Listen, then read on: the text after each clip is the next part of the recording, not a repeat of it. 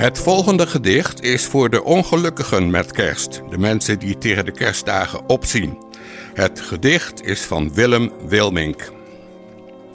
Wees niet zo bang voor kerst, het zijn twee dagen. Dat is niet meer dan 48 uur.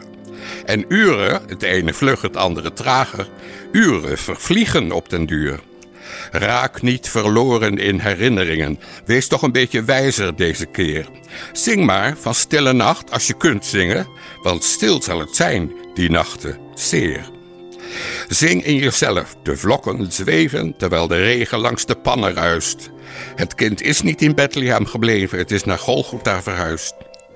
Gedenk de dieren op de schalen en de borden, die zitten meer dan jij in de puree.